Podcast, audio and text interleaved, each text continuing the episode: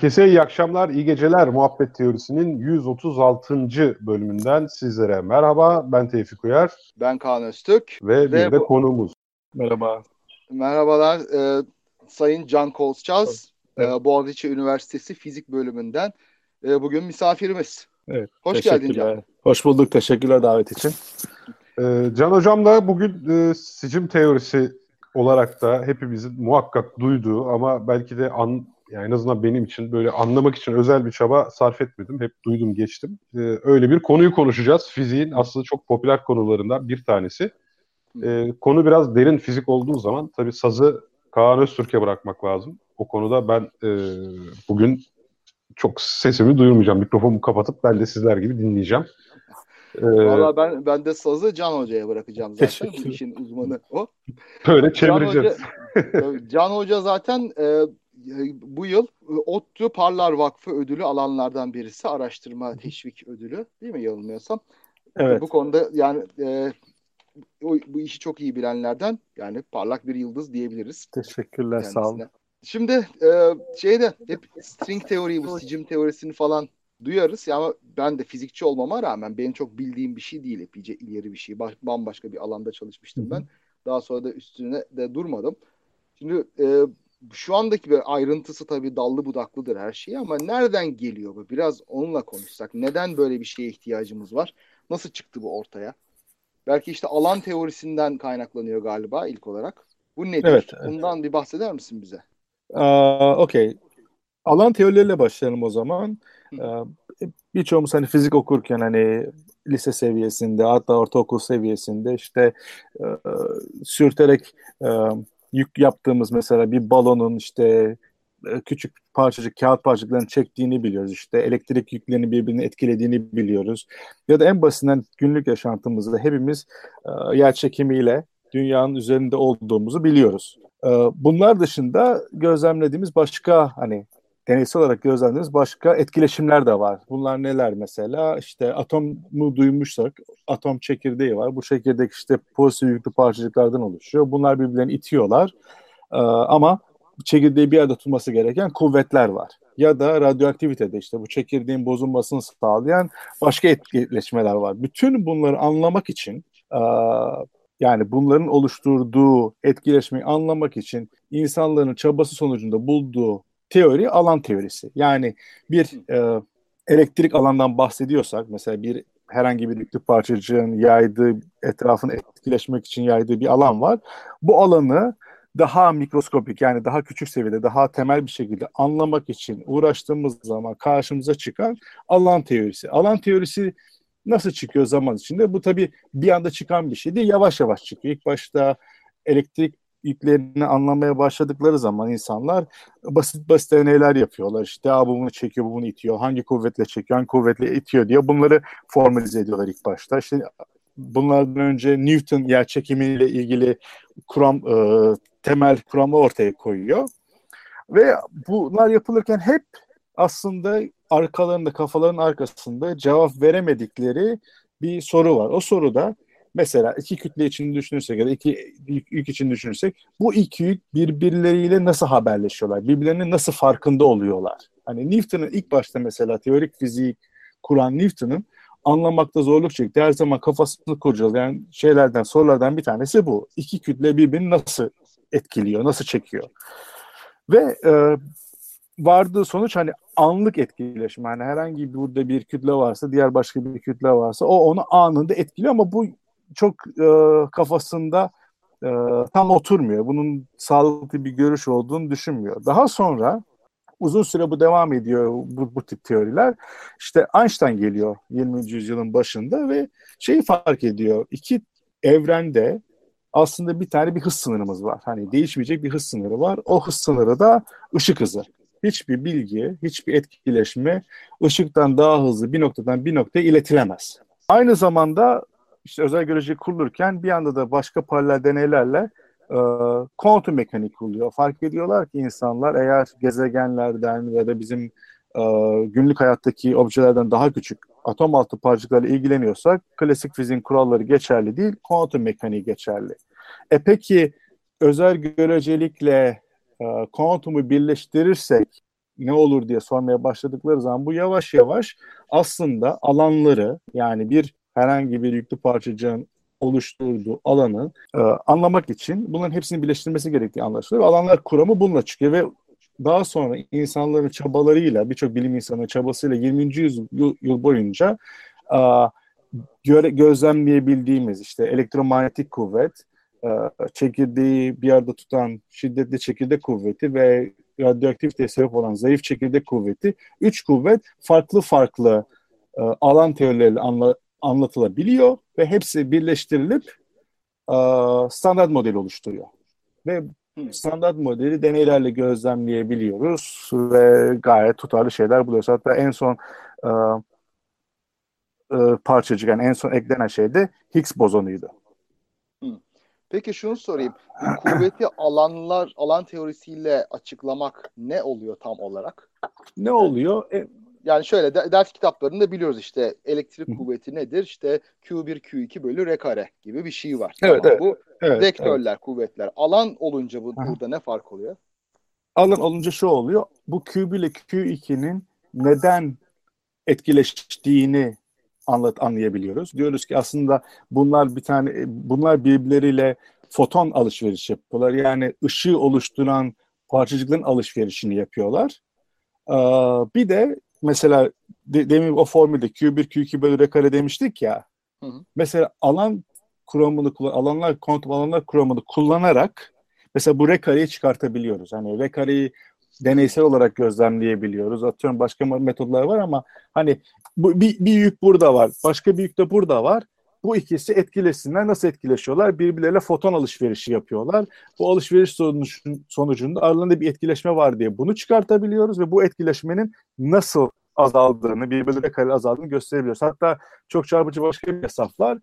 Ee, mesela bir tane proton alıp, bir atomu, bir hidrojen atomunu düşünürsek bir proton alıp etrafına bir elektron koyup hani normal e, klasik fizikle de spektrum yani biraz klasik fizik demeyeyim. Hani normal e, kuantum mekaniksel olarak da etrafında döndüğünü düşünerek elektronun bir şekilde e, bir bulut olduğunu düşünerek de spektrumunu yani ışık spektrumunu e, hesaplayabiliriz. Aynı zamanda şunu da yapabiliriz. Hani a bir proton var, bir elektron var. Bunlar foton değişiyorlar.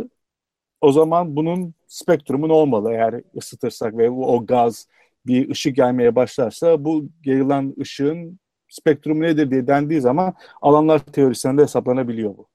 Hı hı. Anladım. En temel anlamıyla yani en temel e, prensiplerinden. Hı hı. Anladım. Ve diğer kuvvetlerde işte e, güçlü çekirdek kuvveti veya zayıf kuvvette evet. de böyle değiş tokuş edilen parçacıklar var. Ve bunlar evet, da kendine özgü böyle başka etkileşimler yaratıyorlar bu şekilde. Evet, öyle evet, mi? evet. Tamam. Ve bunların hepsi bir araya toplanıp standart model oluşturuyor. Ve bu kuvvetlerin hepsi mesela yer çekiminden sonra anladığımız, sonradan e, gözlemlediğimiz kuvvetler ve etkileşimler ilk gözlemlediğimiz yer çekimi. Yer çekimini bu şekilde anlayamıyoruz. Yani yer çekimi tamamen Einstein'ın 1916'da tamamladığı özel gö genel görelilik kuramıyla açıklanıyor ve onun matematiği, iç yapısı tamamen alanlar kuramından farklı. Kuantum mekaniği içermiyor. Dolayısıyla o böyle bir türlü diğer kuramlarla birleşemeyen, diğer modellerle birleşemeyen böyle inatçı bir etkileşim olarak kenarda duruyor. Peki yani gravitonları düşündüğümüzde bu da bir şeyi yer çekimi taşıyan bir parçacık olarak bu işi kurtarmıyor mu? O zaman yetersiz mi kalıyor? Kurtarıyor ama gravitonu evet yani graviton içeren bir kuantum alanlar teorisini nasıl yazacağımızı bilmiyoruz. Diğer etkileşimlerle birleştirebileceğimiz şekilde. Yani bunu alanlar teorisi cinsinden yazmaya başladığımız zaman o teorinin fiziksel olarak çok ciddi hastalıkları var. Hmm. Tanımlanamıyor. Yani alanlar teorisi sadece alanlar teorisiyle kullanarak ama evet yani eğer kuant yer çekiminin kuantum teorisini yazacaksak öyle bir teori varsa o teori yazacaksak onun için graviton olmalı. Ama sadece alanlar kuramı cinsinden yazmaya kalktığımız zaman o hastalığı da şöyle söyleyebilirim. Mesela parçacık hızlandırıcıları ne yapıyoruz? Parçacıkları çarpıştırıp onlar bir şekilde çarpışıp bilardo topları gibi e, ayrılıyorlar diyelim. Hani o çarpışmaları hesaplıyoruz. Eğer şu andaki denenen alanlar teorisi kullanarak denenen yer çekimi e, teorilerine bakarsanız elde ettiğiniz sonuçlar sonsuz çıkıyor. Hmm. Sonsuz çıkıyorsa orada bir problem var. Yani e, doğru hesaplayamıyoruz. Normal bir sayı bulmamız lazım. Hani iki çarpışma olduğu zaman bu şuraya şu olasılıkla gitmeli. Şu şekilde bir dağılım göstermeli diye hesaplamaya kalktığımız zaman o hesapların sonuçları hep mantıksız şeyler çıkıyor. Bu çok ilginç ve çok da garip aslında. Çünkü klasik olarak bakınca yer çekiminin formülü nedir yine? Kütle 1 çarpı kütle 2 bölü r kare. Aslında elektrik evet. gibi biraz. Ee, ve yine ikisinde de işte birinde foton birinde graviton var ama birinde işleyen yaklaşım öbüründe işlemiyor yani. İşlemiyor. Böyle Ki, ilginç bir şey var. Bir de tabii şöyle başka bir şey var. Yani yer yani özel görecelilik, yani Einstein göreceliği ortaya koyduktan sonra dediğim gibi e, şeyi anlıyor. İki etkilen bir uzayda herhangi bir bilgi ışık hızından daha hızlı gidemez. Dolayısıyla şimdi Newton mekaniğine baktığımız zaman Güneş var diyelim, dünya var. Arasındaki etkileşmeyi hesaplamak istiyoruz ki gayet doğru bir şekilde M1, M2 bölü R kare formülüyle hesaplanıyor. Hiçbir problem yok. Yani Güneş ve Dünya gibi ya da atıyorum buradan Apollo'yu Ay'a yolladık. Onun etrafında döndü, işte kondu, geri geldi. Bu tip hesapları yaparken Newton mekaniği, Newton'ın söylediği kanunla mükemmel çalışıyor. Ama e, şöyle bir problem var. Mesela her zaman örnek verilen bir düşünce deneyi. Mesela Güneş şu anda yörüngeden çıksa. Hı hı. O zaman Newton diyor ki bize, Newton mekaniği diyor ki o zaman dünyada anında yörüngesinden çıkar çünkü artık çeken güneş yok. Hı. Ama Einstein ne demişti? Hiçbir bilgi ışık hızından daha hızlı gidemez.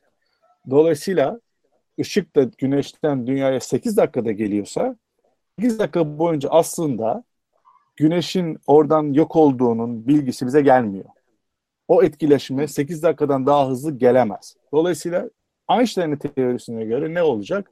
Aa, o zaman 8 dakika daha dünya yöründe kal yörüngede kalmalı min en az. Güneşin yok olduğunu gördükten sonra yörüngeden çıkmalı. Şimdi özel görecelik ilk bu ta, bu tahminleri yapmaya başlıyor. Daha sonra şeyi fark ediyor hani özel görecelik 1905'te bulduğu teori yer çekimini içermiyor ve yer çekiminin böyle patolojik durumları var. Dolayısıyla yer çekimini anlamaya çalışıyor. O anlamaya çalıştığı zaman aslında Newton mekaniğinden tamamen e, farklı bir bakış getiriyor. O da bakış ne? Zaten daha önce kurduğu uzay ve zamanı birbirinden ayrı olarak değil, bir arada düşünmek gerektiği fikri var ortada. Özel göreceliğin koyduğu 1905'te ortaya atılan, attığı. Daha sonra yer çekimi şöyle anlıyor. Diyor ki aslında diyor kütlesi veya enerjisi olan cisimler veya enerji bu uzay zamanı dört boyutlu yani üç bizim gördüğümüz boyut artı zaman boyutunu büker. Hı. Büktüğü zaman etrafını yani güneş orada var olmasından dolayı etrafındaki uzay zamanı büküyor. Uzay zamanı artık düz değil, bir eğriliğe sahip bir doku haline geliyor. Dünyada o eğrilikten etkilenerek yörüngesine devam ediyor. Aslında dünya ile güneş birbirini çekmiyor. Sadece güneş etrafındaki uzay zamanı büküyor, uzay zamanı deforme ediyor. O deformasyonuna göre dünya takip ediyor. Yoksa güneş tarafından çekilmiyor. Şimdi dolayısıyla güneşin oradan kalkması demek o deformasyonun düzelmesi demek, geriye düzelmesi demek. Bu da zaman alıyor. Ve bunun yayılması da ışık hızıyla aynı hızda oluyor. Dolayısıyla bu sefer hani tutum tut, şey bir teori e, elde etmiş oluyoruz. Tutarlı bir teori elde etmiş oluyoruz. Yani anlık etkileşme yok ve e, 8 dakika sonra dünya yörüngeden çıkıyor. Ve bu teorinin tabii ki Newton mekaniğinden farklı olarak söylediği şeyler de var. Mesela ne var? E, kara delikler var. Şey çok özür dilerim. Oraya gelmeden evet. şunu sorabilir miyim? Yani uzay zaman güneş yok olduğu zaman uzay zamanın düzelmesi 8 dakika mı alıyor o zaman? Onun yayılması yani bize gelmesi 8 dakika. Şimdi güneş yayılma güneş yine o zaman aslında bir uzay zaman düzlemi eğriliğinden değil de yayılabilen bir parçacık ya da dalga gibi bir şeyden bahsetmiş olmuyor muyuz? Ee, dalgadan bahsedebiliriz tabii. Yani o, o bir, bir şekilde o bilgi yayılıyor o örgü içinde. Hatta bu yakın zamanda geçen senede hatta bundan dolayı Nobel aldılar. Bu yer çekimi dalgaları bulundu. Ha, evet. Ee, bu dalgalar ama yani çok daha gözlenilmesi için veya hani belli bir e, ciddi bir şey gözlenebilir bir etkisi olması için çok daha büyük cisimlerin mesela iki tane kara, e, kara deliğin birbirine çarpıp birleşmesi sonucunda olacak şeyleri mesela ancak gözlemleyebildik. Ee, bu bir dalga gibi evet yayılıyor. Yani oradaki şöyle söyleyeyim. Güneşi kaldırdığımız zaman güneşin yarattığı deformasyon düzelmeye başlıyor. O düzelmede yayılıyor zaman içinde, e, uzay zaman içinde. Ve o da onun, Evet, o da ışık hızında oluyor ve onun dünyaya gelmesi de 8 dakika sürüyor. Bir de bir Benim parantez ya. daha açayım. Şimdi böyle bir şey düşünüyor, böyle bir kafada kurunca bir şey bu klasik olarak ak- böyle, demek ki uzayın bir ataleti var ki hemencecik eski düz haline gelmiyor. Biraz vakit alıyor ve bir esneklik katsayısı var mesela bir yay gibi veya girilmiş bir elastisite dediğimiz değil mi? Bu yani, aktivite. belki ya evet. Hani, Ee, anladım. Onunla ilgili böyle ilginç bir şey var mı yoksa bu yani çok aşırı teknik bir ayrıntı mı acaba? yo, yo, o, o, elekt- o, o şekilde nasıl düşünülebileceğini tam bilmiyorum yani hani. Ha tamam o şekilde yaklaşmıyor teorisyenler. Evet. Tamam. Yani Peki, daha e, çok geometrik olarak yani geometrisi uzay zamanın hani iki noktası arasındaki mesafeyi nasıl ölçeriz diye matematiksel bir obje var. O obje değişiyor yani o düzeliyor. Hı hı, hı hı, anladım. Peki. Ee, şimdi bu e, şeyin yer çekiminin alan teorisi o zaman bu. Bir de ayrıca şey var diğer kuvvetlerle ilgili alan teorilerimiz var. Şimdi Bu bunlar klasik anlamda bir alan teorisi. ha, yani klasik alan yer- teorisi. Klasik alan teorisi olarak. Diğerleri kuantum alan teorisi. geçiyordunuz hocam da ben bu güneş mevzunu bir tam anlayayım diye araya girmiştim. Ee, belki Kaan hocam diğer alanlara geçmeden şu kara deliklerle ilgili ne söyleyecektiniz? Ha, evet. Kara deliklerle ilgili. Hem kara delikler mesela Einstein'ın denklemleri Einstein denklemini yaz, denklemlerini yazdığı zaman bu genel göreceliği, yer çekimini e, anlatan e, ilk başta çok zor ve komplike geliyor. Hani bunların çözülemeyeceğine inanılıyor ama daha sonra e, bir tane e, fizikçi, bir matematikçi galiba tam bilmiyorum. Schwarzschild aslında belli bir e, simetrisi olan uzaylar için bu denklemlerin çözülebileceğini, bir çözüm olabileceğini gösteriyor. Ve bu çözümlerden bir tanesi e, kendi adıyla şu anda anılan kara delik çözümü. Kara delikte şöyle düşünülebilir, e, kabaca e, o kadar bir yani bir mesela yıldızı alalım falan o kadar e, enerjisi bittikten sonra yer çekimi şey altta çöküyor. Çöktüğü zaman e, o kadar yoğun hale geliyor ki yarattığı etrafında yarattığı yer çekim alanı çok yüksek çok kuvvetli hale gelebiliyor. Eğer yeterince büyük bir yıldız çökerse yarattığı alanda bir tane e, bir e, ufuk olay ufku denen bir ufuk oluşuyor ve o ufkun içine düşen hiçbir şey ışık hızına yakın hızlarda da gitse geriye kaçamıyor. Yani e, ve tamamen e, herhangi bir cisim oraya düştüğü zaman onların geleceği sadece aşağı yani e, merkezine doğru o cismin merkezine doğru olmak zorunda. Hiçbir şey geri kaçamıyor. Bunlara kara delik deniyor. Ve hani galaksilerin merkezinde birçok galaksinin merkezinde bir tane kara delik olduğuna inanılıyor veya gözlemlenebiliyor. Bazılarında. Evet. Peki Evet. yani Kaan hocam sen sana bırak. Yo yo sen devam et. Yani peki Einstein böyle dedi. Ee, sicim teorisi burada ne söylüyor? Okey, sicim teorisinin ilk başta sicim teorisi aslında e, hani yer çekimini anlayalım, işte her şeyi bir çatı altında buluşturalım, altında toplayalım diye başlamıyor. İlk başlama sebebi şu, e, yapılan 50'lerde 60'larda yapılan deneylerde e, proton ve nötronlara benzeyen bir dolu parçacık gözlemleniyor ve bu parçacıkların işte kütleleri ölçülüyor, spinleri ölçülüyor, yani belli karakteristik e, fiziksel özellikleri ölçülüyor ve insanlar bu parçacıkların e, oluşturduğu spektrumu anlamaya çalışıyorlar. Ve o, şöyle enteresan bir şey keşfediyorlar. Demin örne deminki örnekten gidersek, yer çekimi örneğinden gidersek mesela. Şimdi hepimiz biliyoruz ki yeryüzündeyken herhangi bir attığımız yukarı bir şey yere Ee, düşüyor. Can, Can, bağlantı biraz zayıfladı. Bir kopar gibi oldu. Cümleni tekrarlar mısın? Ee, şeyden de, e, şeyden bahsediyordum.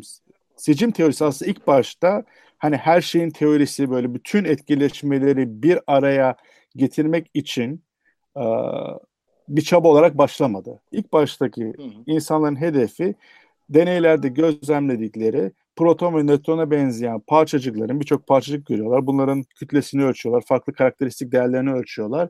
Bunların oluşturduğu spektrumu, bunların oluşturduğu aileleri anlamak için bunu ortaya atıyorlar. Bu arada ilginç bir gözlem var bu parçacıklarla ilgili veya protonların içindeki e, daha temel parçacıklarla ilgili. O da şu.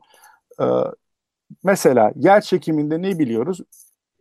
Hepimiz yeryüzündeyken yer çekimimizi çok kuvvetli bir şekilde yeryüzüne bağlıyor. Yani herhangi bir şey havaya attığımız zaman pat diye yere düşüyor ama televizyonda baktığımız zaman veya herhangi YouTube'da atıyorum uluslararası uzay istasyonunda orada astronotlar yer çekimsiz ortamda havada yüz, süzülüyorlar. Neden? Çünkü onların dünya merkezine olan mesafeleri bizim dünya merkezine olan mesafemizden çok daha fazla ve biliyoruz ki demin söylediğin gibi kan e, aradaki e, kuvvet 1 bölü r kareyle yani uzaklığın karesiyle azalıyor. Dolayısıyla onların hissettiği yer çekimsel kuvvet da çok daha az. İki parçacığı ayırırsak aradaki kuvvet azalıyor. Ama proton, nötron ve diğer gözlenilen parçacıkları oluşturan temel parçacıklar, kuarklar için durum tam tersi. Eğer bu parçacıklar, temel parçacıklar birbirlerine yakınlarsa aralarındaki kuvvet yok gibi bir şey ve bunları uzaklaştırmaya çalıştığımız zaman artmaya başlıyor.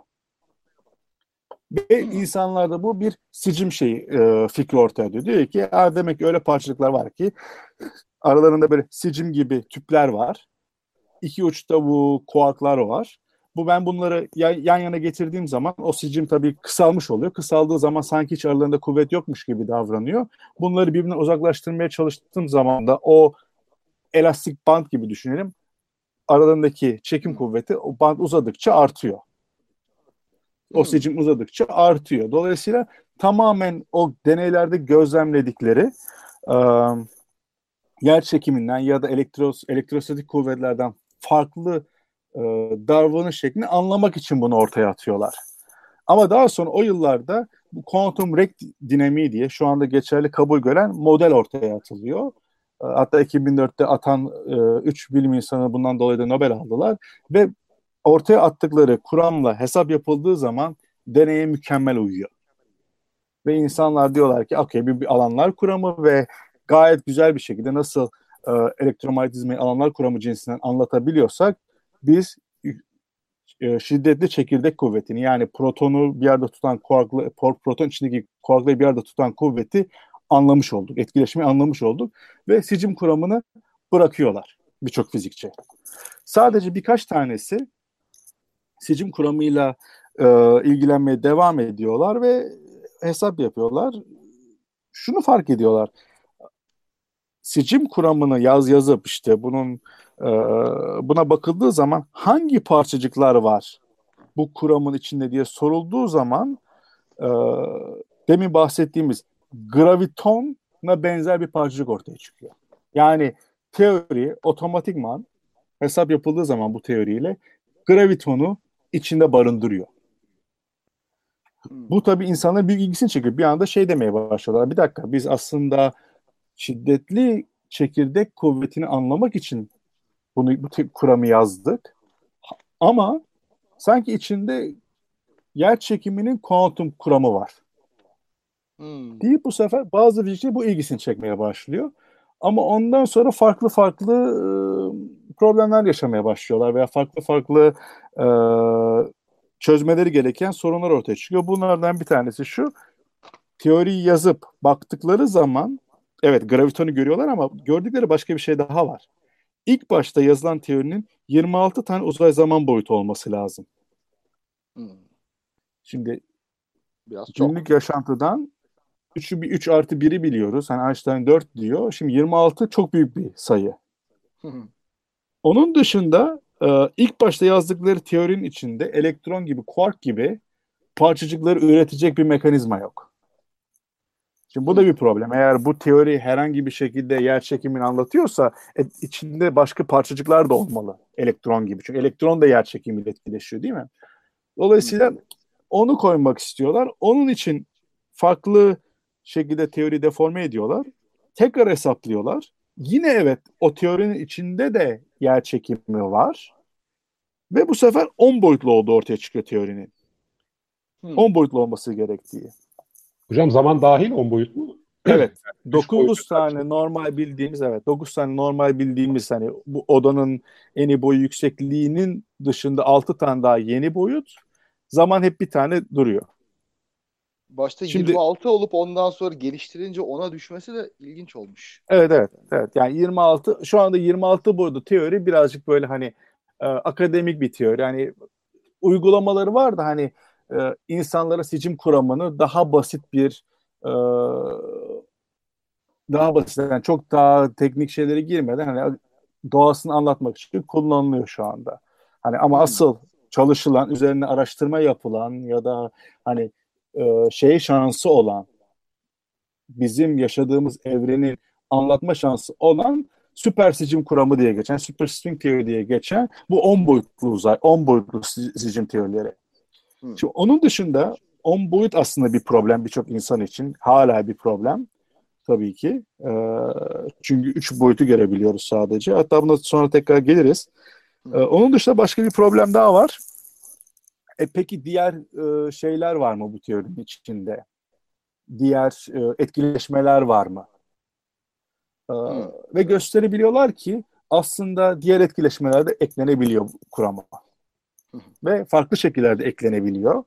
Ve kaç farklı şekilde e, tutarlı bir şekilde fiziksel teknik olacak biraz tutarlı bir şekilde eklenebilir sorusu sorulduğu zaman 5 tane farklı şekilde eklenebileceği ortaya çıkıyor. Dolayısıyla 5 tane süper sicim kuramı var yazılabilen ha. ve bu 5 yani hem o teori kendi kendine onu seçiyor. Hani herhangi bir başka fizik teorisini alırsanız mesela elektromanyetizmadan bahsediyoruz. Elektrostatiklerden statikten bahsediyoruz. İki boyutta yazarsınız, beş boyutta yazarsınız, dört boyutta yazarsınız. Teorinin dinamiği değişir ama teori çalışır. Hani Hı. size ben sorumluyum demez. Sizin teorisi fizikte bildiğimiz diğer teorilerin hepsinden ayrılıyor. Şu anlamda ayrılıyor. Kendi kendine tutarlı yaşayabileceği zaman boyutu, uzay zaman boyutu seçiyor. Ve bu 10. Hmm. Onun dışında yine tutarlı, kuantum tutarlılığı olması için 5 tane farklı şekilde olabileceğini gösteriyor. Ya bu 5'i birbirine rakip mi?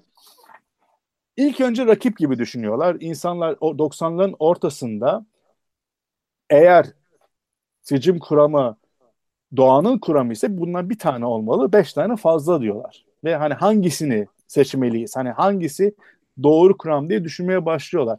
Ve e, 90'ların ortasında hani seçim teorisinin en önemli isimlerinden bir tanesi Ed e, aynı probleme değiniyor. Diyor ki bu diyor fazla bir sayı. Bu bir olmalı. Bazılarını diyor elemeye çalışayım. Yani öyle argümanlar bulayım ki mesela diğer iki tanesinin, üç tanesinin, ideal olarak dört tanesinin aslında var olamayacağını söyleyeyim. Bir tane ya indireyim diye düşünüyor. Ama tam tersi farklı bir şey buluyor. Farklı bulduğu şey de şu.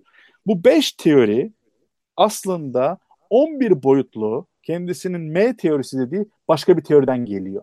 Yani aslında bu 10 boyutta yaşayan 5 tane sicim teorisi var. Bunların hepsi 11 boyutta yaşayan ve bir tek o teori, bir tane var onda. M teorisi denen teoriden geliyor. Geliyor derken M teorisini e, bu e, bilim insanı mı buluyor? Yani daha doğrusu bu beşini birleştirerek M teorisine mi gidiyor? Yoksa ezelden bir M teorisi vardı ve aslında oradan e, bu beş teori beş e, ayrı teori çıkartılabiliyor mu? M teorisinin ne olduğunu bilmiyoruz aslında. Sadece olduğunu biliyoruz. İçindeki hmm. temel objelerin ne olduğunu biliyoruz. Artı eğer e, belli limitleri alırsak hangi teorilere gitmesini yani yazabildiğimiz, iyi anladığımız hangi teorilere gitmesi gerektiğini biliyoruz ve aynı zamanda şunu biliyoruz. M teorisinden başlayıp nasıl diğer o beş tane sicim teorisini elde edebileceğimizi biliyoruz. İkisi birbirine bağlanıyor yani. Evet bağlanıyor. Yani M, M, M teorisi diye bir şey yani 11 boyutta süper yer süper e, gravity denen bir teorinin olduğu biliniyordu. Ama bunu quantum versiyonu yani M teoriyi Witten ortaya atıyor ve hatta işin ilginç tarafı şimdi sicimlerle başlamıştık. Yani hatta şeyden bahsetmedik aslında ondan da bahsetmemiz lazımdı. Buradaki sicimler hani parçacıklar yerine sicim teorisinde parçacıklar aslında sicimlerden geliyor. Ve farklı parçacıklar bu sicimin farklı şekilde titreşmesinden oluşuyorlar. Yani nasıl bir keman telini alalım, farklı şekilde bastığınız zaman farklı notalar çıkıyorsa, farklı sesler çıkıyorsa bunlar farklı titreşim modları. Aynı şekilde sicimlerin farklı titreşim modları da farklı parçacıklar veriyor. Dolayısıyla o anlamda da bütün fiziği bir birleştirme var. Yani bütün parçacıklar hem elektronlar, işte kuarklar falan hepsi sicimlerden geliyor. Aynı zamanda bunların arasındaki etkileşmeleri sağlayan foton gibi, gluon gibi, e, diğer taşıyıcı parçacıklar da sicimlerden geliyor. Dolayısıyla bütün gördüğümüz, bildiğimiz bütün parçacıklar aslında tek bir temel objeden geliyor. Bu da bir birleştirme. Bu da bütün fiziği bir e, yapı altında birleşmeye önemli bir adım. O var ve bu farklı titreşmelerde farklı parçacıklar e, ortaya çıkartıyor. Şimdi dediğim gibi sicim teorisinin temel objesi sicimler. Bu beş tane teorinin. Ama M kuramına gittiğimiz zaman mesela orada sicimler yok artık. Zarlar var, membranlar var. İki hmm. tür membran var ve bütün bu sicimler ve diğer objelerin hepsi bu iki tane M kuramı içindeki temel objeden geliyor. Dolayısıyla hani sayı teori sayısı 1'e iniyor, temel obje sayısı da 2'ye iniyor. Bütün geri kalan yani illa ki her şeyi birleştiren tek bir parçacık tipi olmak zorunda mı? Gerçekten diyecektim ki yani M teorisi de zaten iki temel parçacık kabul evet. ediyor. İki temel zar var. Ha bu zorunda mı? Tabii ki değil ama e, Newton'dan beri gözlemlediğimiz şey fiziğin bir şekilde devamlı birleşmeye gitmesi. Yani mesela Newton'dan önce insanlar zannediyorlardı ki yeryüzündeki kanunlarla göklerdeki kanunlar birbirinden farklı. Newton'un dediği en önemli şeylerden bir tanesi hayır bunlar aslında bir. Yani ayın veya yıldızların hareketini kontrol eden dinamikle e, bir elmanın ağaçtan düşmesini kontrol eden dinamik aynı dinamik. Birbirinden farklı değil. Daha sonra mesela elektrik elektri, elektriği buluyorlar, elektrik kuvvetleri buluyorlar ve manyetik kuvvetleri buluyorlar. İlk başta bunların da birbirinden farklı olduğu düşünülüyor. Ama daha sonra yapılan deneylerle gözlemleniyor ki aslında bunlar birbiri içine geçen, birbirine bağlı kuvvetler, birbirine bağlı alanlar. Hatta Einstein geliyor diyor ki aslında bu iki alan hani elektromanyetik alan değil bir alan var. Gözlemciye göre elektrik olan manyetik olabiliyor diğerine göre manyetik olan elektrik olabiliyor. Aslında bunlar bir. Yani doğa bize devamlı onu, onu o tarafa doğru itiyor. Yani etkileşmeler, kanunlar hepsi sanki bir tane temel teori var oradan geliyor ve bir şekilde bunlar birleşiyor. Bunu bize doğa söylüyor. Yaptığımız deneylerle söylüyor yani şu anda ulaştığımız noktada da standart model var. İşte bütün üç tane etkileşmenin, yer çekimdeki bütün etkileşmelerin tek bir model altında birleştiren ve deneyle gayet muazzam bir şekilde uyumlu çalışan standart modelimiz var elimizde. Hmm. Hani bu bizim hani postüle diyebilir miyiz? Yani o... tek teori altında birleşeceği varsayımına. E biraz öyle ama şu da var. E, mesela şunu yapabiliyoruz, şunu hesaplayabiliyoruz. Mesela e, kuvvetlerin farklı etkileşmeleri, etkileşme e, şiddetleri var. Yani mesela yer çekimi bizim için inanılmaz kuvvetli, inanılmaz e, yüksek bir etkileşim gibi geliyor değil mi? Çünkü yani günlük yaşantımızda yaşadığımız asıl etkileşim e, yer çekimi. Aslında en zayıf etkileşim yer çekimi diğerleriyle karşılaştırıldığı zaman ve bunların fiziksel olarak e, belli bir ölçütleri var. Yani farklı bu dört tane etkileşmenin birbirlerine göre relatif kuvvetlerini, relatif güçlerini e, anlamak için koyduğumuz kıstaslar var ve yüksek enerjilere yani çok yüksek enerjilerde deney yaptığımız zaman bu etkileşmelerin kuvvetinin ne olduğuna baktığımız zaman aslında hepsi aşağı yukarı bir noktaya doğru gidiyor. Yani bütün etkileşmeler şu anda bizim gözlemlediğimiz evrende yani yaşadığımız günlük hayatımızda bunları sıraladığımız zaman birbirlerinden çok çok farklı kuvvetli yani çok çok farklı e, büyüklüklere sahipler. Çok fa- farklı şiddetlerde etkileşiyorlar ve etkiliyorlar hayatımızı. Ama çok kısa mesafelerdeki durumlarına bakıldığı zaman hepsi sanki bir kuvvetten geliyormuş gibi birleşiyorlar. Hmm. Dolayısıyla elimizde deneysel olarak da hani felsefi olarak da e, ve tarihi olarak da bütün kura, bütün fiziğin bir kuram altında birleşeceğiyle ilgili e, gayet destekleyici e, şey var. E, motive edici e, gözlem e, var. Yani o zaman makul bir şey var bu şeyin Tabii yani mesela Einstein'ın en büyük hayallerinden biriydi. 1916'da işte bu genel göreceliği bulduktan sonra e, o zaman bilin, yani bilinen veya Einstein'ın en azından umursadığı iki tane etkileşim vardı. Biri yer çekimi, diğeri elektromanyetizma. Hani son 30 yılını yaklaşık ikisini birleştirip hani her şeyin teorisini bulmakla geçirdi. Ha ama çok büyük bir hata yapıyordu. Kendi hayatı 55'te e, öldü. O zamana kadar zaten kuantum mekaniği bulunuyordu. Bununla ilgili bütün temeller ortaya atılıyordu ve Einstein bütün kuantum mekaniğiyle ilgili olan gelişmelere bu kendi kuramını, birleşme kuramını e, çabaları sırasında arkasını döndü. Yani mutlaka ki tabii ki Einstein'ın kuantum mekaniğine yaptığı çok büyük katkılar var. Hatta bu katkılardan birinden dolayı Nobel ödülünü aldı. Özel görecelikten değil veya genel görecelikten değil, fotoelektrik efektten dolayı Nobel'ini aldı. Ama bu her şeyin teorisini bulacağım sevdası sırasında kuantum mekaniğini hesaba katmadı. Ve şu anda biliyoruz ki büyük hataydı bu. Bir zaman makinesi icat edersek o zaman geriye dönüp düzeltmemiz gereken şeylerden biri. Albert abi ne olur? Bak Ya gözünü seveyim.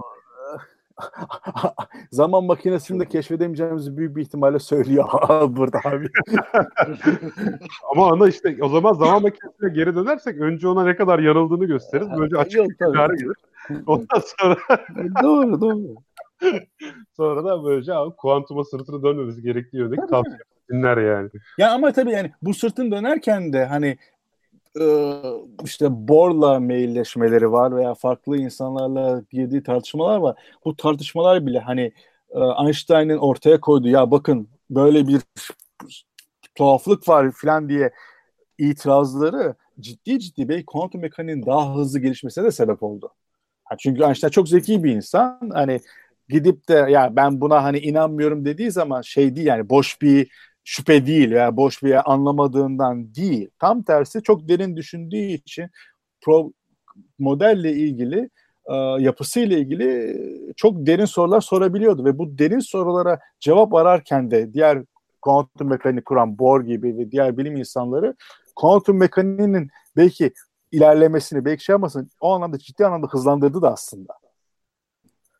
Nitekim şeydir e, Einstein'ın sunduğu böyle EPR paradoksu, Pod Einstein, Evet, mesela. Podolsky, Rosen e, kuantum teorisini çürüteceğini düşünerek böyle bir şey olmaz diyerek sundu. Ondan Tabii, sonra tabii. deneylerle bunun gerçekten de böyle olduğu Tabii. gösterildi. Böyle Onun dışında mesela- bu. E Mesela Bo Bose-Einstein condensation diye geçen yani Bose- Bose-Einstein yoğunlaşması Hı hı. yine e, kuantum mekaniğinin makroskopik yani görünür bizim yaşadığımız boyutlarda ki görünür hali. Bununla da ilgili e, deneyler ancak 2000 1990'larda 2000'lerde yapılabildi. Yine e, üç tane bilim insanı bunu buldukları için e, Nobel aldılar. Hani çok, ciddi çok ciddi katkıları vardı Einstein'ın hani kuantum mekanik konusunda da hani Tanrı zar atmaz filan diyerek hani olasılık bu deterministikten uzak yaklaşımı kuantum mekaniğinin hep Einstein'ı rahatsız etti anladığım kadarıyla. Peki şimdi e, bu şeylerin, bu teorinin, string teorisinin mesela kozmolojik uygulamaları vardır herhalde. Yani kuantum gravity konusunda ve başka şeylerde. Hı E, bununla ilgili var mı bir uygulamalar böyle? Ee, bu konuda hatta çok fazla var. Yani artık sicim teorisi o öyle bir hal aldı ki kendi içinde sanki böyle bir kendi bir bölünmüş de kendi içinde ana bilim dalları var gibi. Hani si- sicim teorisi çalışan insanlar bile birbirlerini anlamayabiliyorlar ve tabii ki yani e, evrenin oluşumu, evren nereden geldi, nasıl oluştu bununla ilgili sicim teorisinin e, söylemeye çalıştığı birçok şey var. Mesela e, bunlardan bir tanesi mesela sic- sicim teorisinin en büyük başarılarından biri olarak gözlenen bu e, şey vardır. Kara deliklerin entropisinin hesabı. Hmm. Kara deliklerin entropisi olduğunu söyledi Hawking.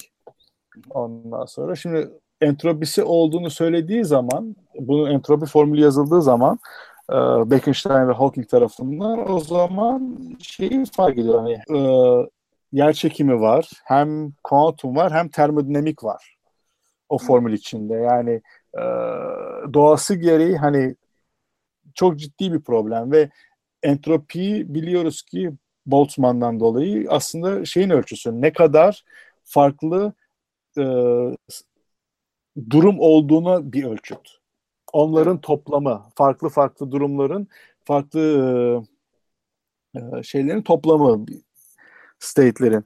E, şimdi bu, bunu anlamak için, bu, böyle bir toplamı yapıp da buradan entropiyi anlamak için o zaman kuantum teorisi yani yer çekimini kuantum teorisini bilmek lazım ki bu durumları e, kuantum mekaniksel olarak tanımlayabilelim. İnsanlar e, işte Schrödinger Lavoff o zaman bu soruyu soruyorlar. Diyorlar ki eğer seçim teorisi hakikaten e, gerçekten kuantum e, yer çekiminin kuantum teorisi ise bu entropiyi hesaplayabilmeli. Hmm. Ve gerçek hani evrende gördüğümüz e, kara delikler değil de bu biraz daha fazla simetrisi olan, biraz daha akademik olarak düşünülebilecek e, kara delikler için sicim teorisi kullanarak e, bu durumları sayıyorlar. Yani kaç farklı durum var diye. Ve bu say, bu sayımdan elde ettikleri formül e, Bekenstein ve Hawking'in elde ettikleri formüle birebir örtüşüyor. Oo çok güzel. Mesela en büyük başarılarından biri diye gözlenen şu bu Strominger-Waffa'nın yaptığı e, mikro durum hesabı. Yani tamamen ilk prensiplerden e, ciddi ciddi kuantum mekaniksel durumlardan e, bir sayım yaparak, bir hesap yaparak makroskopik genel göreceliğin söylediği entropi formülü bulabiliyorlar. Hmm. Şimdi bu burada iyi bir işaret yani. Bu bir yani, destek yani. Evet ama burada hani bir formülle formülü karşılaştırıyoruz. Sonuçta evet. bir yerde çalıştığını düşündüğümüz bir formül vardı. E, Sicim teorisinden elde ettiğimiz bir formül ve bununla yaptığımız hesap o diğerdeki hesap tutmuş oldu. Evet, Benim evet. O zaman yani esas sormak istediğim ki bence yani merak ediliyordur. Gözlemsel olarak hani bir yerden hesap ettiğimizin bir yerden hesap ettiğimizde tutması değil de hani sicim teorisi bunu öngördü ve ölçtük gerçekten oymuş diyebileceğimiz bir kanıt var mı? Yok. Zaten hmm. a, en büyük problemlerinden biri de bu. Şimdi burada şuna dikkat etmek gerekiyor. Böyle bir ölçüm olmaması sicim kuramının herhangi bir tahmin yapamıyor olması demek değil. Tam tersi sicim teorisinin yapabildiği tahminler ya da normal bildiğimiz fizikten farklı adres veya sicim kuramını test etmek için doğru mu yanlış mı diye test etmek için yaptığı tahminler, yapılabilecek deneyler şu andaki elde ettiği, e, sahip olduğumuz teknolojiyle yapılabilecek deneyler değil. Hmm. Sorun burada. Yani şu anda elimizdeki teknoloji buna sınırlı. Ve bu e, ciddi bir problem. Çünkü fizik e, deneysel bir bilim. Bir modelin doğru veya doğru yanlış olması veya doğayı tanımlayıp tanımlamadığı matematiksel güzelliğinin dışında deneyle uyumlu olup olmamasıyla asıl onunla karar verilecek. Yani istediğiniz kadar matematiksel olarak tutarlı, güzel böyle hani e, şahane bir te- kuram yazın, teori yazın, bir model kurun. Bu eğer deneyle uymuyorsa o doğanın teorisi değildir veya fizik değildir artık. Şimdi sicim teori, o yüzden sicim teorisini eleştiriyorlar. Yani bu teknolojiye yakın zaman içinde e, ulaşabileceğimiz çok mümkün gözükmüyor. O zaman sicim teorisi tamamen e, güvende. Çünkü nedir test edilemiyor. Nedir hocam buradaki teknolojik kısıt? Teknolojik kısıt şu. Mesela e, bu tür parçacık fiziğiyle ilgili deneyleri şu anda en merkezi CERN. İsviçre'de, Cenevre'de. Orada Büyük Hadron Çarpıştırıcısı, işte Large Hadron Collider çalışıyor. E, şimdi burada ki bir mesela bu, bu 27 kilometrelik bir hızlandırıcı. 27 kilometreyi ne belirliyor? ne kadar paranız oldu ve ne kadar büyük bir tünel yapabildiğiniz. Ya da coğrafi olarak sınırlar. Şimdi orada anladım bildiğim kadarıyla yanlış bilmiyorsam Jura Dağları var, işte göl var. İkisi arasına konabilecek en büyük halka 27 kilometrelik bir halka. Yani yoksa daha gölün altından kazmak gerekecek falan maliyet artacak. O yüzden zamanda LS'in LSE'den önceki LEP hızlandırıcısı için yapılan tünel 27 kilometre. Bir limitiniz bu. Aşabileceğiniz tünelin boyu. İkincisi e, parçacıkları çok yüksek hızlara hızlandırıyorsunuz. Yüksek enerjileri çıkartıyorsunuz. Kısa mesafeler, me- mesafelerdeki fiziği anlamak için ki sicim kuramını anlamak için kısa mesafelere gitmemiz gerekiyor. Çünkü ne kadar diye sorduğumuz zaman e, çok küçük olduklarını görüyoruz. Ne kadar küçükler? Eğer bir atomu güneş kadar, güneş sistemi kadar düşünürsek yani ona büyüttüğümüzü düşünelim. Bir atom güneş sistemi kadar büyük olsun. O zaman sicimin boyu bu atom içinde bir metrelik bir çubuk kadar. Oo. Sicimler korkunç küçükler. Şimdi dolayısıyla bu kadar küçük mesafeleri deneysel olarak gözlemlemeniz için çok çok yüksek enerjilere çıkmanız gerekiyor. Çok çok yüksek enerjilere çıkmak demek de parçacıkların ışık hızına çok çok yakın hızlarda hareket etmesi demek. Dolayısıyla bunların hani santrifüj kuvveti diyeyim veya santrifüj kuvvetiyle savruluyorlar. Bunları yörüngede tutmak gerekiyor. Yörüngede tutmak için de mıknatıslar kullanılıyor. Dolayısıyla bu mıknatıslarla bir manyetik alan üretiyoruz ki yörüngede tutabilelim diye. İşte problem de oradan kaynaklanıyor. Yani tünelimizin boyu kısıtlı, o mıknatısların üretebileceği manyetik alan sınırlı. Peki Dolayısıyla hocam, bu ikisi Bu şimdi doğrudan bir kanıt olmamasının makul bir sebebi tabii ama evet, evet. dolaylı bir kanıt olamaz mı? Mesela e, evrenin büyük ölçekli yapısı olsun, başka bir şekilde olsun. Yani bu etki başka bir etkiye yol açar, başka bir etkiye yol açar. En sonunda gözleyebileceğimiz bir yere götürür Olabilir. ve başka bir şekilde bir açıklaması olmayan bir olay olabilir. Olabilir. Böyle bir şey çıkmadı farklı şimdiye farklı senaryolar var. Farklı senaryolar var. Mesela bu senaryolardan bir tanesi şu. Ee, Demin bahsediyorduk kozmolojik olarak ne olabilir diye. Kozmolojik olarak mesela gözlemlenebilecek şöyle bir şey olmuş olabilir. Bir olasılık bu. Aa, bu büyük patlama sırasında evren bu kadar küçükken bir tane sicim bu evrenin etrafında dolanmış olabilir ve evren genişlerken o sicim de evrenle beraber genişlemiş olabilir. Hı. Dolayısıyla buna kozmik sicimler deniyor. Böyle bir kozmik sicim evrenin bir yerinde bir yerden uzanıyor olabilir. Ve bu belli şekilde hareket ederken demin bahsetmiştik ya yerçekimsel dalgaları var diye. Bu yerçekimsel dalgalar yaratacak. Atıyorum böyle bir sicim varsa, bir kozmik sicim varsa belki günün birinde onun yarattığı yerçekimi dalgalarını görebiliriz. Çünkü bunların yarattığı dalgalar mesela demin bahsettik ya kara deliklerin birbirleri etrafında dönüp birleşip yaydıkları dalgadan çok daha farklı bir yapıya sahip ve hani bunun ne olabileceğini hesaplayabiliriz. Dedeklerimizi ona göre ayarlayıp öyle bir kozmik sicimin e, yerçekimsel dalgalarının izine rastlayabiliriz. Mesela bu bir olasılık, bir senaryo. Ne kadar doğru bilmiyorum tabii. İkinci bir senaryo şu olabilir. Demin bahsettim ya ilk başta yazılan sicim teorisi 26 boyutluydu. Daha sonra 10 boyutlu başka bir versiyonu yazıldı. Bunu yazmak için motivasyon şuydu. Elektron gibi, quark gibi parçacıkları kurama ekleyebilmek. Bunları eklemek için de teoriye ekstradan bir simetri koydular. Şimdiye kadar süper simetri deniyor buna.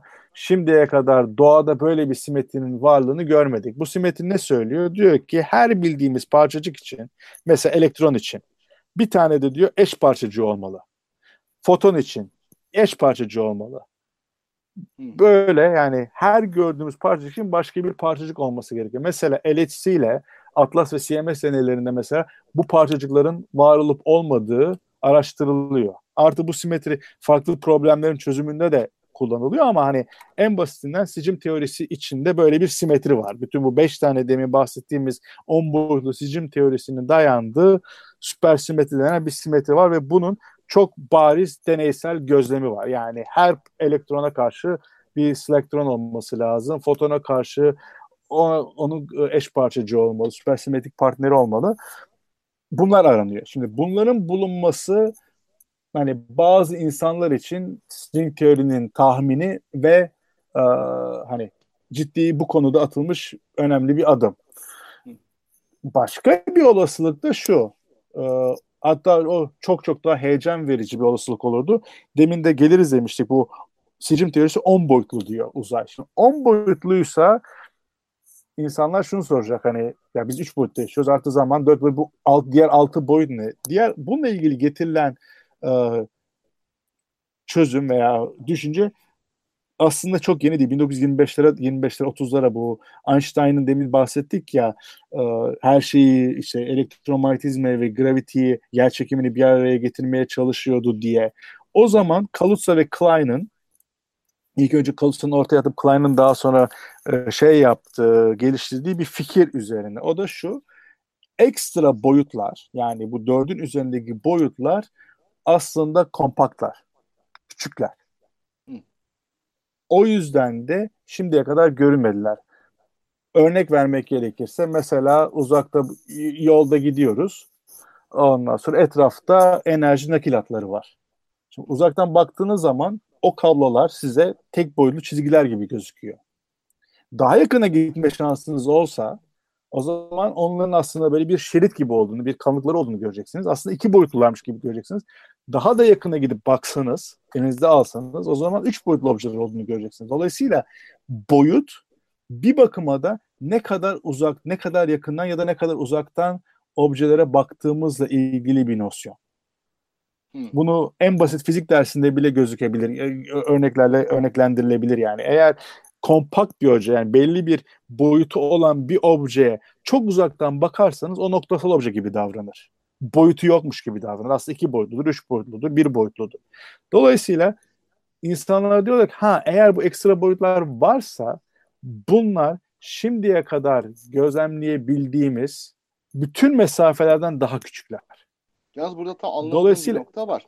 Bir dediğin şöyle doğru tabii. Bir nesneye uzaktan bakarsak nokta gibi görürüz ama Hı. bu nokta nesne yine üç boyutlu uzayın içinde gömülüdür. Yani uzayın kendisini evet, evet, evet. boyutlu görmeyiz. Ama burada hı hı. uzayın kendisinin 10 boyutlu olmasından bahsediyoruz. Evet, evet. Yani diğer boyutlar e, küçük. Yani şöyle söyleyeyim. Mesela e, okey örnek vermek gerekirse silindir. Şimdi silindir iki boyutludur değil mi? Silindiri şu evet. şekilde düşünebilirim ben. E, bir tane çizgi ve çizginin her noktası üzerinde bir tane çember var. Şimdi bu çemberlerin yarıçapı küçülürse o kadar küçüldü ki benim gözümün algılayamayacağı, çözemeyeceği kadar küçük bir yarıçapa sahip. O zaman sadece çizgiyi görürüm. Doğru. Ama bu gözümün çözünürlüğüyle ilgili. Sonuçta yani ben orada evet. üç, üç boyutlu bir atom olduğunu biliyorum. Evet. Aynı şekilde şimdi o zaman bize diyoruz ki yaptığımız hiçbir deney Şimdi mesela demin bahsettik LHC. LHC aslında bir mikroskop. Çok küçük mesafelere bakabilen bir mikroskop. LHC o kadar güçlü bir mikroskop değil ki o boyutları şimdiye kadar daha ayırt edemedi. Yani şöyle söyleyeyim. O çember üzerinde çember olduğunu anlamak için ne, ne tip bilgiler sahip olmam lazım? Mesela iki nokta arasındaki uzaklığı ayırı çözebilmem lazım çemberin mesela iki tane noktasını alayım. Bunların birbirinden ayrı olduğunu çözebilmem lazım. Çözünürlüğü olması lazım. Eğer yaptığım deney o iki noktanın hep beraber görüyorsa o zaman o çemberi fark edemeyeceğim. Yani burada evet verdiğim örnek gözümüzün çözünürlüğüyle alakalı. Ama, ama deney hassasiyetine karşılık geliyor zaten bu. Evet. Oradaki kurduğum analoji evet, deney hassasiyeti. Yani herhangi bir yaptığımız deney hangi boyutta iki noktayı birbirinden ayırabiliyor? Hangi boyutta e, hangi oranda o boyutları, o ekstra boyutları görebiliyor. Eğer o ekstra 6 boyut yani 3'ün üzerine 9 tane dedik ya 9'a kadar gidiyor. 6 boyut eğer o kadar küçükse e, o kadar o kadar küçük olmalı ki şimdiye kadar gözlemleyemedik eğer sicim teorisi doğruysa. Şu olabilir. Eğer LHC yani e, büyük hadron çarpıştırıcısı ekstra boyutları görebilirse yani ekstra boyutların var olduğunu fark ederse o zaman bu çok ciddi bir kanıt olacak. Sicim teorisinin doğru olma ihtimaliyle ilgili. Şimdi şunu bir daha bir ben sorsam. Ee, ben yine şeye takıldım. Yani tamam silindir örneğinde de aslında bir nesneye uzaktan bakıyoruz ama evet. uzayda yine bakıyoruz. O açıdan çok anlamadım da şöyle bir benzetme kurdum kafamda. Doğru olup olmadığını, yerinde olup olmadığını bana söylersen. Hı. Şimdi e, bir nötron yıldızı üzerinde yaşayan canlılar hayal edelim. Oranın tamam. korkunç bir yer çekimi var tabii. Çok evet. çok büyük. O yüzden bunlar iki boyutta yaşayan varlıklar. Üç boyutu bilmiyorlar. Ve bunların hı hı. E, çok yüksek enerjilere ihtiyacı var ki zıplayıp da üçüncü boyutun varlığının farkına varsınlar. Onun dışında bu üçüncü boyutun farkında değiller. Bu uygun bir benzetme olur mu kavramsal olarak en azından? Okey olabilir yani evet. Yani o tabii orada biraz da şu var. Yani hala dışarıdan gelen ışığı görebilirler. Şimdi ha. orada iki boyut var ama dışarıda yani hala üçüncü boyut, üçüncü boyut e, şeyse hani on, onlara göre üçüncü boyut var ve şey e, kompakt olmayan bir sonsuz bir boyut. Oradan da ışık gelebilir. O ışığı da görüp Aa, bir dakika bir yer, bize bir yerden ışık geliyor diye üçüncü boyutun varlığını e, algılayabilirler. Yani Anladım. şöyle örnek vermeye çalışayım. Silindir üzerinde yürüyen karıncaları düşünelim. Evet. Eğer e, bu karıncalara göre o e, yarıçap çok küçükse karıncalar sadece bir çizgi üzerine gidip geldiklerini düşünecekler. Çember silindir etrafında dönemeyecekler. Silindir etrafında dönebilmeleri için karıncaların boyutunun silindirin yani o çemberin boyutuyla aşağı yukarı aynı olması lazım ki etrafında dönebilsinler. Evet. Yani şöyle eğer ama pardon. Hı -hı. Pardon. Siz buyurun buyurun hocam. Ya eğer dediğim gibi yani karıncaların boyutu o çemberden çok çok daha büyükse karıncalar için sadece o tek boyutlu böyle bir çizgi olacak gidip gelebildikleri. Yani neticede algıya getiriyoruz burada konuyu yine. Çünkü şu ana kadar netice itibariyle fizik için oluşturduğumuz ve gözlemsel kanıt bulduğumuz her şey bizim görme kabiliyetimizle alakalıydı. Görme kabiliyetimiz derken sadece gözü kastetmiyorum. Yani deney evet. aletlerimiz de bizim görme evet. kabiliyetimizi genişleten şeyler. Evet. Yani biz e, evet. kızıl ötesi ışınların varlığını da gözlerimizle değil, onları ölçebilen evet. aletlerle ölçebiliyoruz. Evet. Şey itibariyle. Aynı şey o zaman evet, burada geçer. Evet, deney evet. aletlerimizi geliştirebilirsek ancak bunun için e, yaptığımızı evet, evet. elde edebileceğiz. Evet. Yani e, ve dediğim gibi eğer hani şu andaki teknolojiyle yani sahip olduğumuz teknolojiyle sicim kuramının direkt e, test etmek istiyorsak şimdi yanlış söylemeyeyim yapılması gereken hızlandırıcının boyutu ya güneş sistemi kadar ya da Samanyolu galaksisi kadar. Yani dünyanın hmm. üzerinde şu andaki teknolojiyle string teori, sicim teorisini test edebilecek bir deney yapmak bugünkü teknolojiyle hani yarın öbür gün değişir hiç, insan hiçbirimizin beklemediği bir teknoloji sıçraması olur. O zaman durum değişir tabii ama şu andaki teknolojiyle böyle bir deney yapmaya kalksak dünya yüzey yetmiyor. Kardeşim iki ölçeğinde falan olmamız lazım o zaman. Yani, evet. Dyson tünel yap. Bu durumda o zaman şey, ne bileyim çok da umutlu olmaması lazım demek ki fizikçilerin bunun te- şeyi deneysel ispatını görmek konusunda. Bayağı bir aktivite var ya ama dediğim gibi di, di, ama direkt indirekt akt, indirekt ispatını görmeye çalışıyoruz. Yani dediğim gibi işte bu süpersimetri olur, e, ekstra boyutlar olur ya da atıyorum bu kozmik sicimler olabilir. Mesela okey o zaman güzel bir noktaya geldik. O da şu. Mesela ben bunu kişisel olarak cevaplayayım. Ben neden sicim kuramını çalışıyorum? Şimdi çok güzel. O, şimdi burada ilk önce iki tane soru var. Ayırt edilmesi birbirinden e, ayırt edilmesi gereken soru iki tane soru var. Bir tanesi sicim kuramının e, doğayı anlatan bir kuram olup olmadığı. Bu Hı. çok önemli bir soru. En, en önemli soru belki. Bunun cevabını bilmiyoruz. Yani bu önemli bir soru. Bunu benim hayatım içinde e, cevaplanabileceğine inanıyor muyum? Vallahi bilmiyorum. Hani o konuda çok iyimser değilim açıkçası. Ama o ikinci bir soru da şu. Sicim kuramı doğru bir kuram mı? Şimdi doğru bir kuramdan kastettiğim şey şu. Matematik tutarlılığı olan ve hani fiziksel olarak hesaplayabildiğimiz bazı şeyleri doğru hesaplayabiliyor mu? Bunun cevabını biliyoruz. Ve bunun cevabı evet. Şu anlamda evet. Mesela seçim kuramının bize öğrettiği e, çok temel e, fikirler var. Bunlardan bir tanesi nedir? Yer çekimiyle kuantum alan teorisi denen ayar teorilerini nasıl bir çatı altında birleştirebileceğimizle ilgili öğrettiği birçok şey var. Belki gerçek kuram değil, belki doğayı anlatan kuram değil ama bize şimdiye kadar bilmediğimiz bu iki tane düşman kardeşin nasıl bir arada uyum içinde oyun oynayabileceklerini gösteriyor. Bu anlamdan doğru bir teori ya bu anlamda yararlı bir teori. Daha benim daha spesifik olarak e, ilgimi çeken kısmı da şu. E, alan teorilerinde yani doğandaki etkileşmeleri anlattığını bildiğimiz, gözlemlediğimiz kuramların dinamikleri çok zor hesapları. Neden çok zor? Çünkü e, farklı fenomenler içeriyorlar. Bu farklı fenomenleri şöyle e, izah etmeye çalışayım. Mesela bir, bir taş alalım. Suyun içine atalım. Değil mi? Suya girer, bir dalgalanma vardır.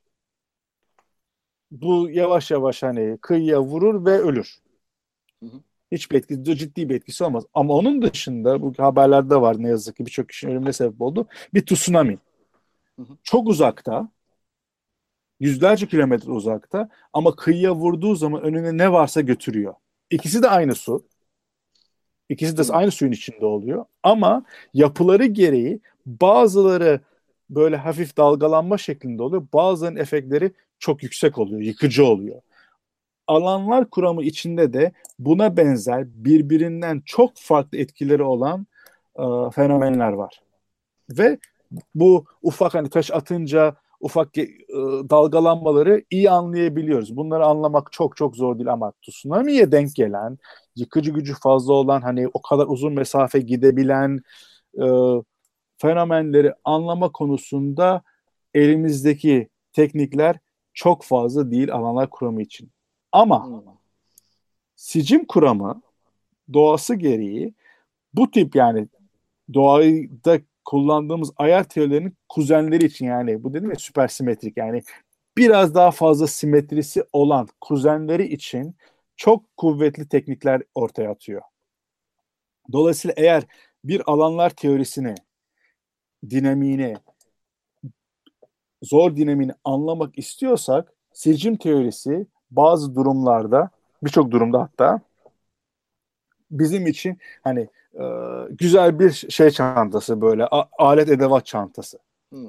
İçinde yani birçok bir matematik Başka Hı-hı. bir deyişle daha sonra bu sicim teorisine bir deneysel kanıt bulamasak bile ilerlememizde yani bilgi birikimimizde evet. katkısı olan önemli bir teori olarak var, mevcut evet. olacak yine de. Evet, var yani şu anda birçok şeyi öğrenebiliyoruz ve amaç burada şey yani hani fizik derslerinde ilk önce ideal duruma bakarız, sürtünmesiz bilmem ne probleme bakarız.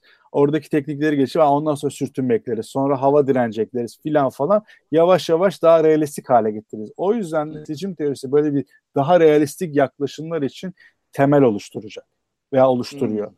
O yüzden benim için benim araştırmam için çok önemli. Benim yaptığım şeyler daha çok böyle hani atıyorum sicim teorisi doğruysa kozmolojik etkileri ne olacak, parçacık fizik etkileri ne olacak tadından daha çok bunun alanlar teorisi için etkileri ne olacak? Onları daha derin anlamamız için ne gibi teknikler oluşturuyor? Onun dışında dediğim gibi bu altı boyutlu e, indirgememiz gerekiyor. Altı boyutlu uzaylar 10 boyuttan 6 boyut üzerine 4 boyutu indirgememiz gerekiyor.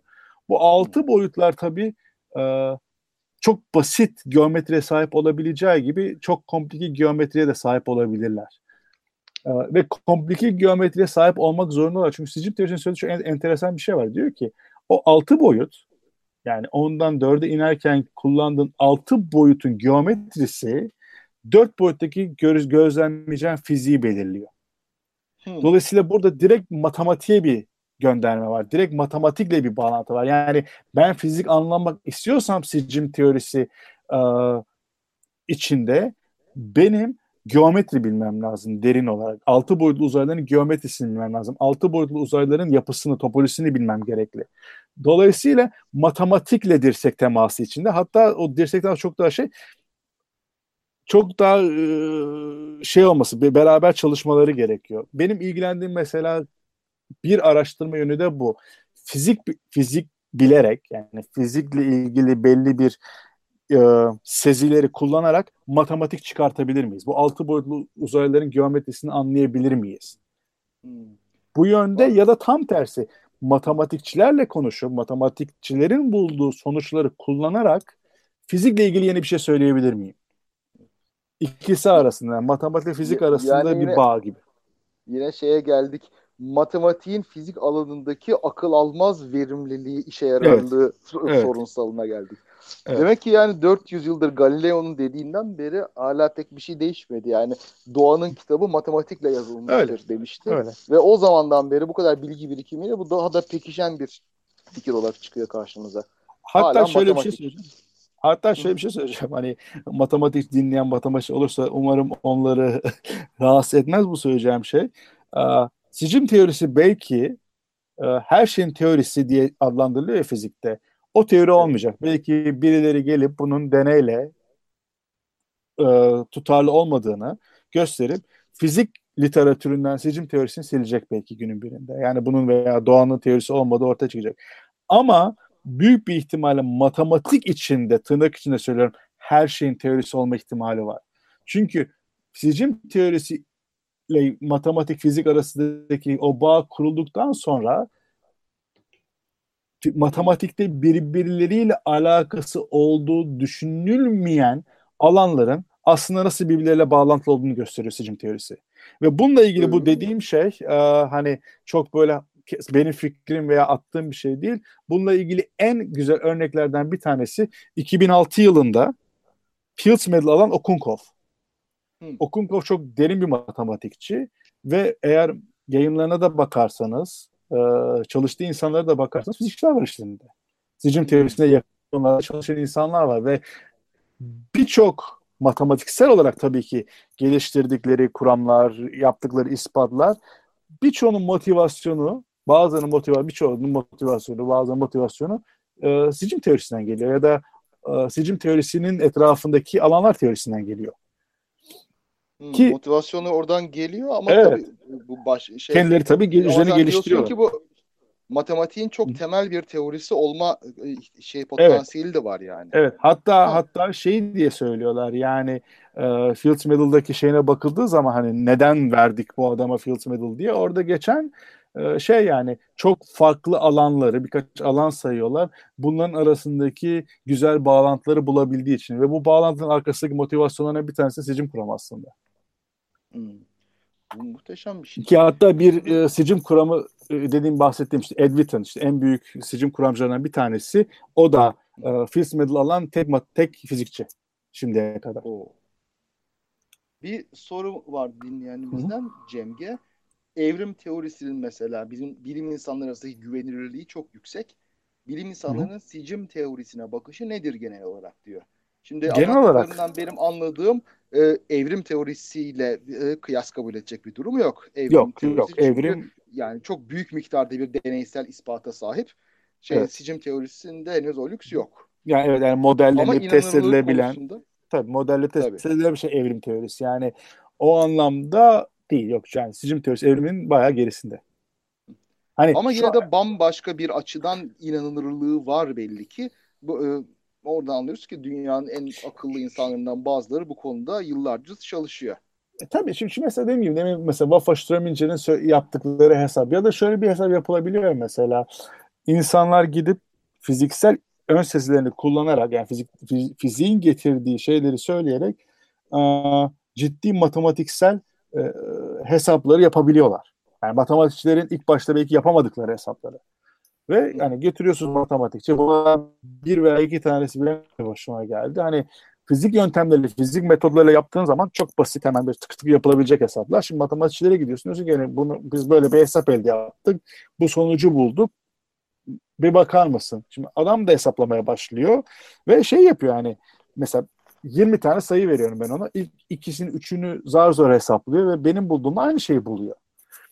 Ve 20 taneye daha bakıyor. Geri kalanına da seriye de bakıyor. Aa 20 tane daha burada sayıyor. Aa diyor şimdi ben göremiyorum onu bir fizikçi olduğum için matematiksel yapıları o kadar e, derin bir an, an, derin anlamıyorum. O baktığı zaman bir dakika diyor. Ben diyor burada diyor bir diyor şey gördüm.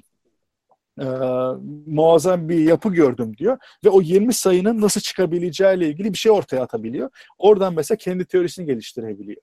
Yani dolayısıyla birbirlerini etkileyebiliyorlar ve fiziksel yani hiç matematik bilmeden sadece fizik kullanılarak yapılan hesaplarla çok ağır matematik hesaplarını yapabiliyoruz ve matematiğe götürdüğümüz zaman bu hesapların doğruluğunu gösteriyoruz. O yüzden doğru bir teori diyorum. Yani hmm. e, kendi içinde tutarlı herhangi bir fiziksel hesap yapıldığı zaman buna karşılık gelen matematik problemini matematikçiler çözdüğü zaman aynı sonucu buluyorlar. Ha bu doğada olmak zorunda mı de değil tabii ki. Yani bu kendi içinde tutarlı güzel bir kuram demek. Hani bir şeyleri doğru hesaplıyoruz demek ama karar verecek olan e, doğa. Aynı şekilde şimdi evrim kuramında da onlar bir kuram geliştiriyor. Doğaya gidiyorsun. Bakıyorsun aa bir dakika o durumda evet ispat var, deneysel olarak şey var. E, tamam diyorsun o zaman bu ciddi bir teori. Anladım. Bayağı ilginç bir nüansı var burada teori kavramının evet. artık böyle e, bayağı soyut biraz bir yerlere gittiğimiz için teori kavramı artık alıştığımız şekilden klasik olarak alıştığımız şekilden farklı şekilde yorumlanması gerekiyor burada. Evet evet ya evet yani e, o ayrım konusunda biraz şeyiz yani e, onun hakikaten gerçek tanımları anlamında biraz böyle e, dilimiz şey çok e, keskin değil yani hani bayağı bir geniş kullanabiliyoruz. Anladım. Fizikçiler. Evet. Evet. E, çok da güzel konuştuk. Ama süremiz de doldu. Hatta biraz o. da açtık. Böyle muhabbetin Hı. tatlılığına dalarak belki artık son sözlerimizi söyleyebiliriz. Ee, Can çok teşekkür ederiz. Ben son teşekkür ediyorum. Özetlemek istediğin bu konuda böyle sicim teorisi olmak isteyen gençlere tavsiye ederim gibi bir şeyler varsa memnuniyetle duymak isteriz. Eğer e, vesaire konusunda.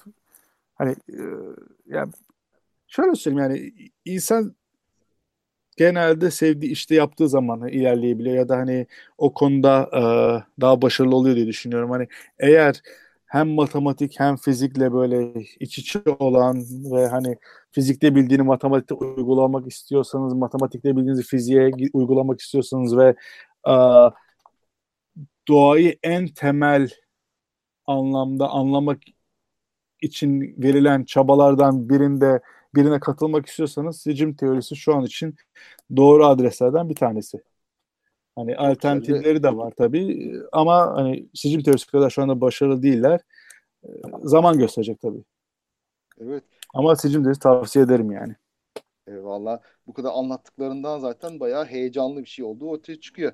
Bir de yani benim özellikle yani hiç de duymadığım aslında çok bir şey duyduğum söylenemez ama ilgimi çeken matematiğin bu alandan etkileniyor olması. Yani evet. fizik kökenli yani doğa bilimleri gözlem kökenli bir fikrin matematiği kökünden değiştirecek olması çok heyecan verici geliyor bana. Garip geliyor çünkü matematiği biz aslında doğadan bağımsız kendi başına ayakta duran bir yapı olarak düşünüyoruz ama kökü doğada olması demek burada matematiğin evren tarafından evet. biraz inşa edildiği gibi bir metafizik sonuca da çıkabilir. Artık göreceğiz. Yo, ben biraz biraz çalışır çalışır biraz daha şeye olmaya başladım. Yani mat hani matematiği bizim ya yarattığımız hani bir şey değil de doğanın aslında bize dikte ettiği bir yapı gibi geliyor bana açıkçası. Özellikle Sicip'te çalışmaya başladıktan sonra. Yani e, evrenin hiç bilmediği biz bir noktasında akıllı yaşam varsa onlar farklı matematikle matematik bulabilirler miydi? Sorusun cevabı bence hayır. Onlar da zaman içinde doğayı anlama çabasına başladıkları anda onların da bulacağı matematik bizim bulacağımız matematikle aynı olurdu diye çok spekülatif bir şey söyleyerek bitireyim. Anladım. Ya bu zaten böyle ezeli tartışma gibidir. Matematik evet, evet. keşif süreci midir, icat süreci midir gibisinden. Sen matematiğin bir keşif olduğunu yani dışarıda bir yerde evet. bu matematiksel yapılar var. Evet biz bunları keşfediyoruz diyen taraftasın. Yani ne kadar ne kadar şehir efsanesi bilmiyorum da güya matematikçilerden bir tanesi böyle kesinlikle kullanılamayacağı kullanılamayacak bir şey keşfedeyim diye oturup bir şeyler buluyor ve en sonunda yine kullanıyorlar. Ne kadar doğru bu hikaye bilmiyorum da yani bir şehir efsanesi olarak söyleniyor ortalıkta. Aa evet e, doğru gerçekten de öyle. Evet. Evet hocam ağzına sağlık bu arada. Ben de yani Teşekkürler. en azından temel düzeyde böyle genel kültür seviyesinde öğrenmiş Sevin. oldum. Sevindim. ortamlarda sizin teorisi hakkında bir şeyler söyleyebilirim. Hocam çok teşekkürler gerçekten. Ben teşekkür ediyorum. Sağ olun. Ee, çok teşekkür ederiz tekrardan Can. Çok ben teşekkür. Sağ, Sağ olun. Evet o zaman 136. bölümümüzün sonuna geldik. Ee, bu galiba 2018'in son programı oldu. Bakayım. Evet. Aynen Doğru. öyle olmuş. Haftaya hem pazartesi hem salı yılbaşı e, hengamesiyle geçeceği için muhtemelen yapmayız. Çünkü Hı. pazartesi 31'e salı 1'e olacak. Ee, bakalım eğer hafta içi başka bir gün yapacak olursak Kaan Hocam'la sizlere de Twitter'dan duyuruz. Gözünüz sosyal medya hesaplarımızda olsun. Herkese iyi akşamlar diliyoruz. İyi akşamlar. haftalar diliyoruz ve seneye görüşürüz esprisini yapıyorum. of ya of. Bir de bana ihtiyar diyorsun ya. Ana. Abi Tolga bir espri yapmıştı. Sen demiştin ya, ya bu tam baba esprisi. Senin bir yerlerde kesin gayrimeşru çocuğun var diye Twitter'da. Yok gayrimeşru demedim. Çocuğum var dedim. Bilmediğin bir çocuğun var dedin de sanki. Yok pardon gayrimeşru derken affedersin. Estağfurullah. Neyse Okey. Tolga'dan özür dilerim artık. Tamam, o zaman Herkese iyi geceler o halde. İyi geceler.